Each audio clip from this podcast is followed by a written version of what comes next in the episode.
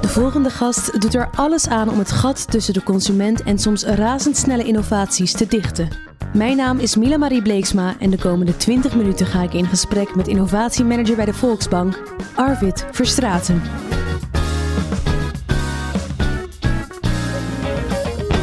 Arvid Verstraten, welkom.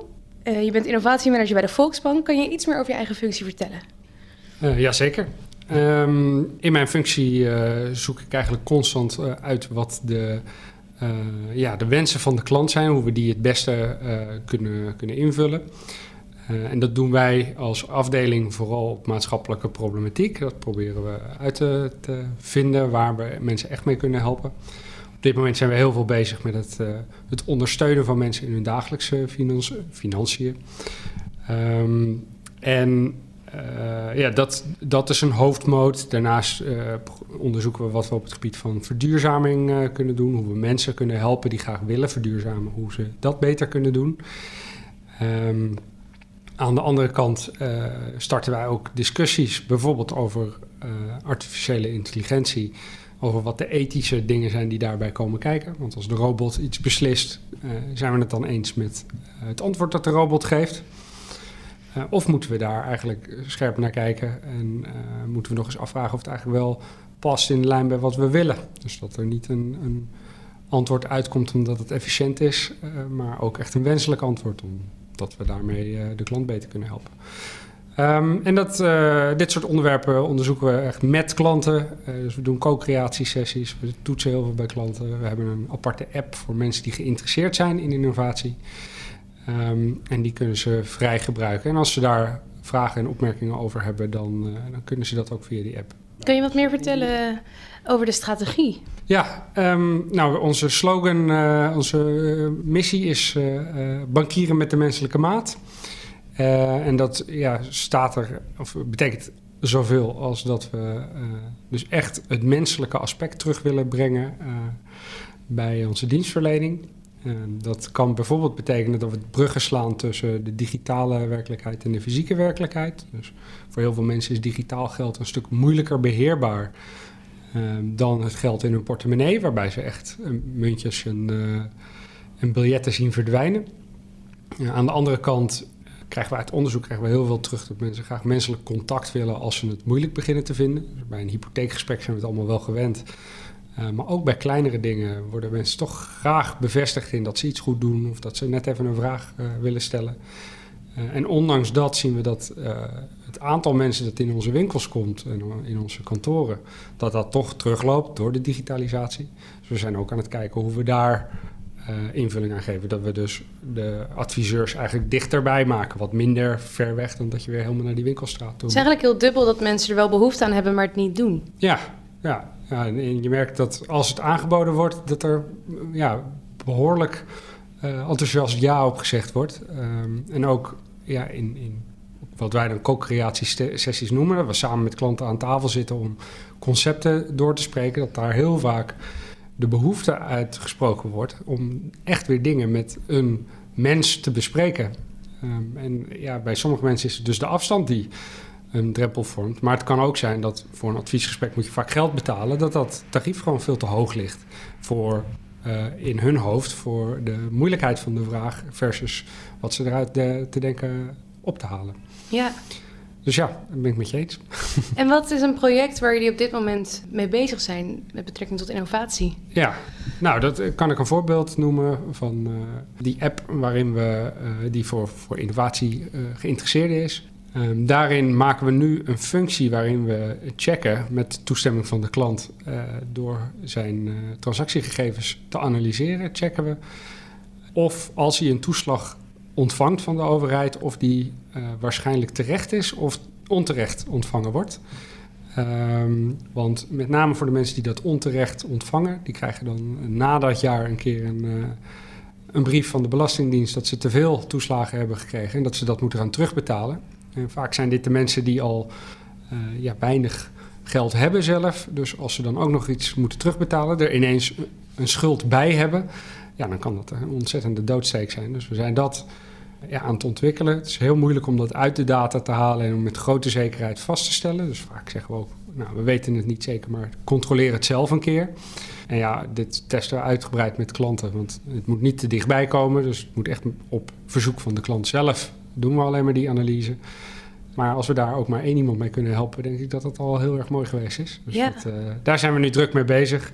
En dat is meer iets aan de achterkant is het behoorlijk ingewikkeld. En aan de voorkant eh, ja, is het gewoon een knopje check.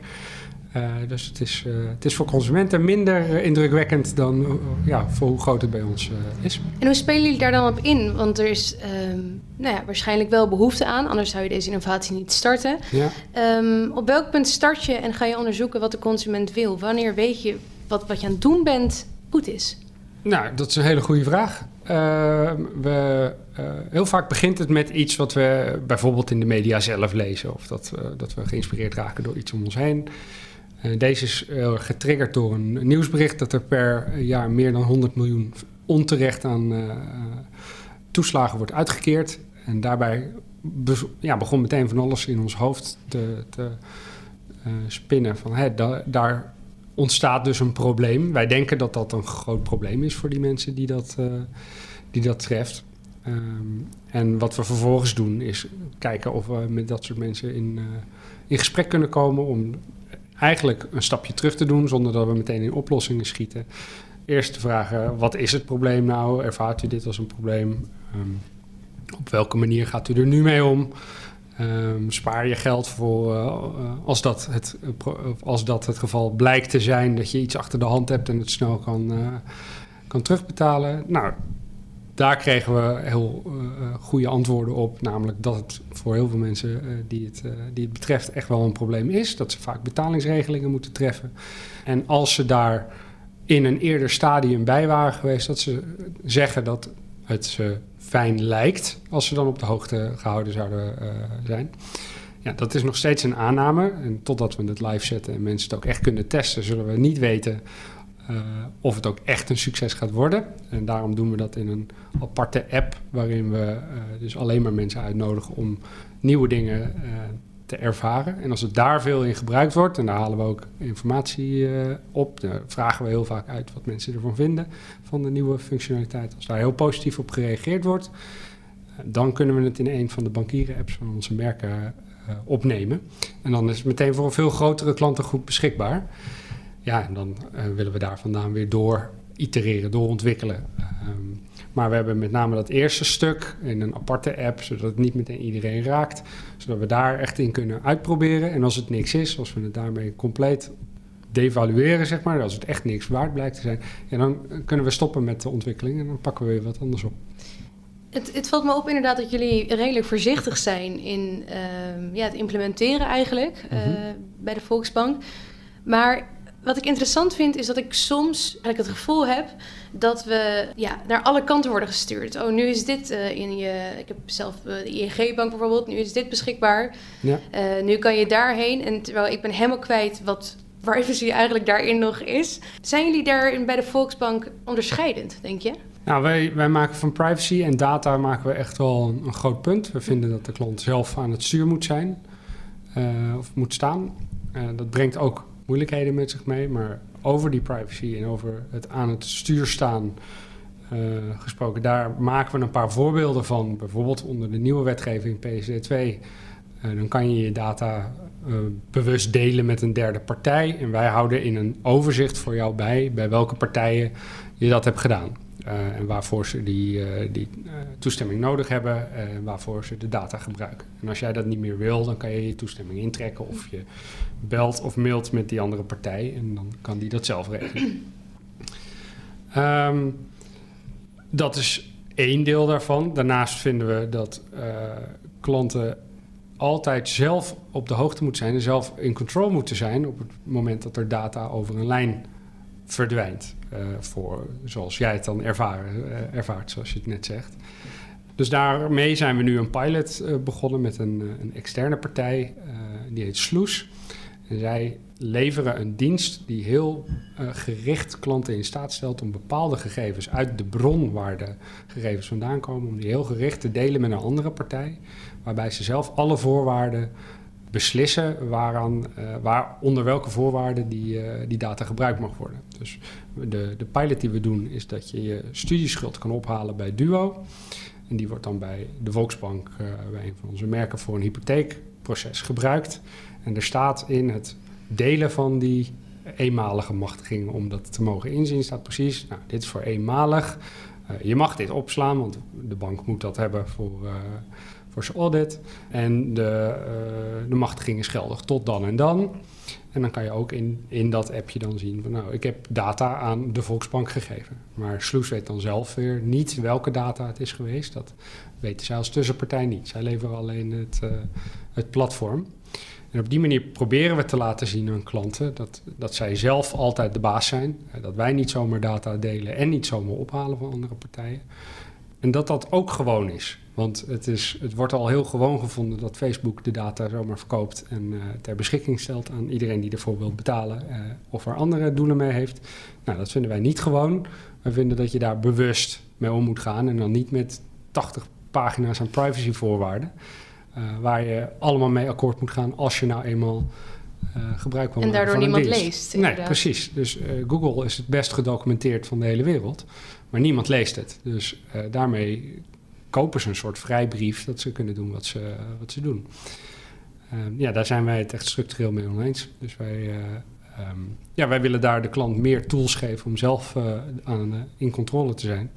Aan de andere kant herken ik dan ook weer een ander aspect wat je, wat je net zei, is dat je uh, eigenlijk op een gegeven moment niet meer weet waar je wat moet instellen. Dat het een soort ja, een, een, vergaarbak op verschillende plekken van allerlei verschillende instellingen is. Ja, het, het begint er bijna op te lijken dat je daar ook een soort centrale tool voor een klant voor zou moeten hebben. Ik weet niet of dat aan een bank is om aan te bieden. Uh, maar als het verder gaat later dan de PSD, of überhaupt met uh, alle datadeelmogelijkheden die er nu zijn, denk ik dat het voor een klant wel fijn is als het op één plek is. Want ja, op een gegeven moment heb je overal een dashboard en dan weet je ook niet meer wat je aan het instellen bent. Dus uh, ik denk dat dat een nieuwe uitdaging is waar vastmarktpartijen bovenop springen. Um, uh, ja, ik ben ook heel benieuwd hoe dat zich gaat ontwikkelen. Ja, en naast dan uh, privacy en het ja, eigenlijk verzamelen van data, wat zijn andere mogelijke dilemma's op dit moment in het betalingsverkeer die innovaties kunnen belemmeren? Ja, nou, op het moment dat een bank samenwerkt met een kleinere partij, vaak wordt een kleinere partij wordt betrokken omdat zij expertise hebben over een specifiek aandachtsgebied. En dan blijkt de samenwerking tussen een bank en een kleinere partij wat moeizaam te gaan, omdat een bank ja, ontzettend veel compliance-regels heeft. Dus die moet aan allerlei wet en regelgeving voldoen. Um, en die kleine partij wil alleen maar door. Die wil zijn product neerzetten. En dat geeft een soort enorme mismatch. En volgens mij heeft elke bank daar in meer of mindere mate mee te maken. Dus dat haalt af en toe de snelheid wat uit je ontwikkelingsprojecten. Uh, juist bij dat soort partnerschappen is dat, uh, is dat lastig. Um, in betalingsverkeer zelf uh, zie ik op dit moment ja, vooral voorbeelden in het buitenland waarbij de, de normen en waarden nogal verschillen van die in Nederland. Dus, er is een, een heel betoog vanmorgen gegeven over, over China en over hoe daar met, met betalen omgegaan wordt. En dat is totaal anders dan hier. Um, daar bestaat iets als privacy dan ook veel minder. En dat maakt dus tegelijkertijd heel veel mogelijk.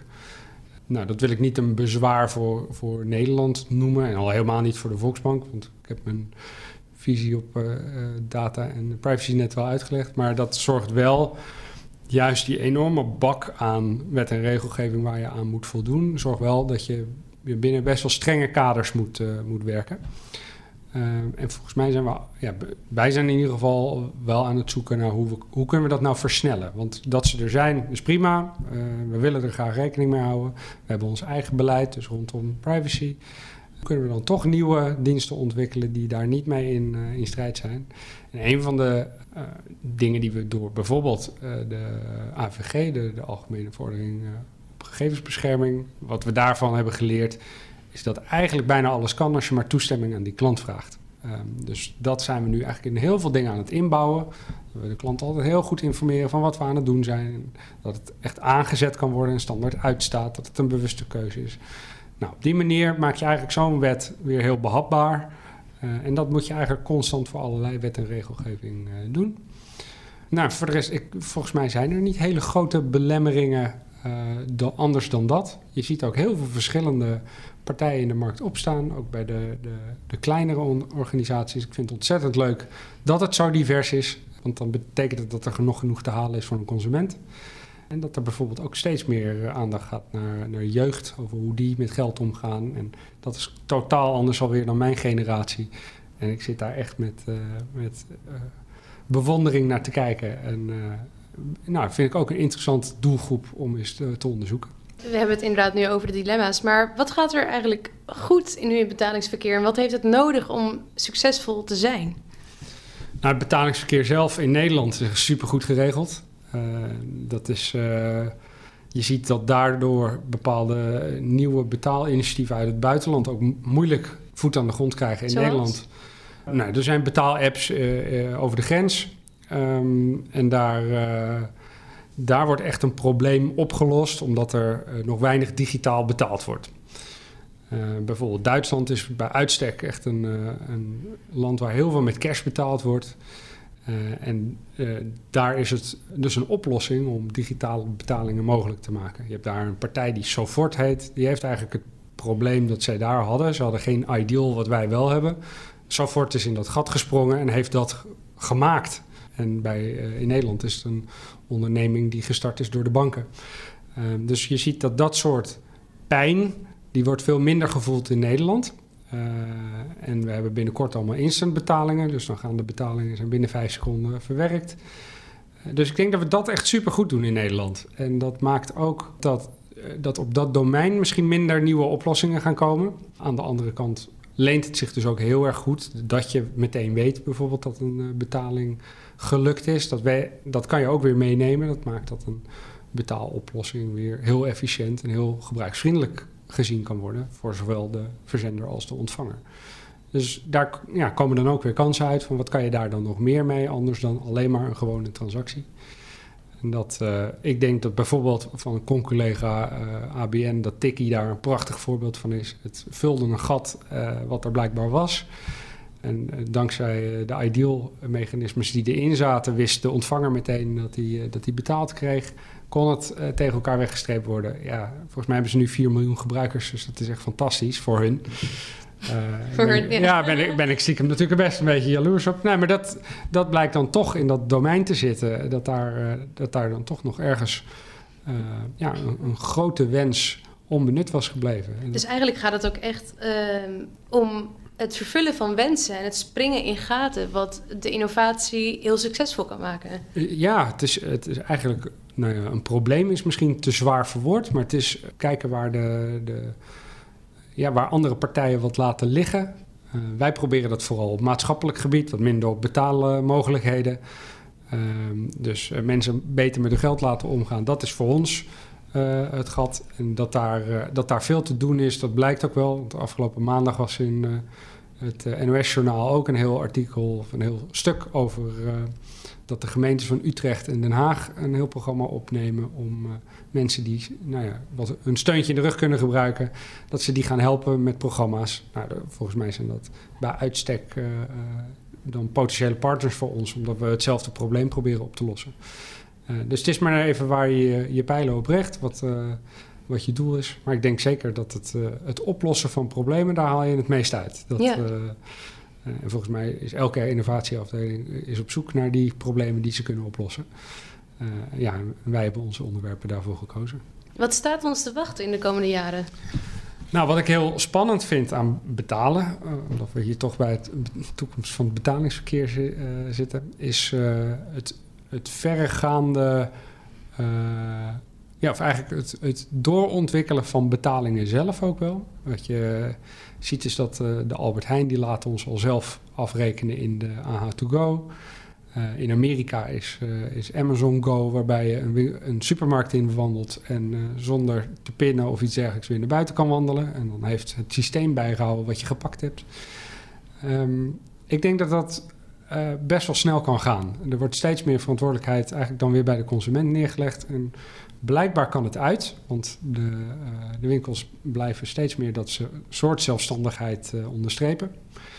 Ehm, dus ik ben wel benieuwd wat, wat daar de volgende stap in is. En hoe lang het nog duurt voordat dat pasje in, ons in onze portemonnee eigenlijk ook al niet meer nodig is. En hoe Nederland daarmee omgaat als, als maatschappij. Want ja, bij elke nieuwe betaalmogelijkheid zie je bijvoorbeeld op technische websites meteen heel veel weerstand van ja, maar pas doet het toch goed, dus waarom moet dat anders?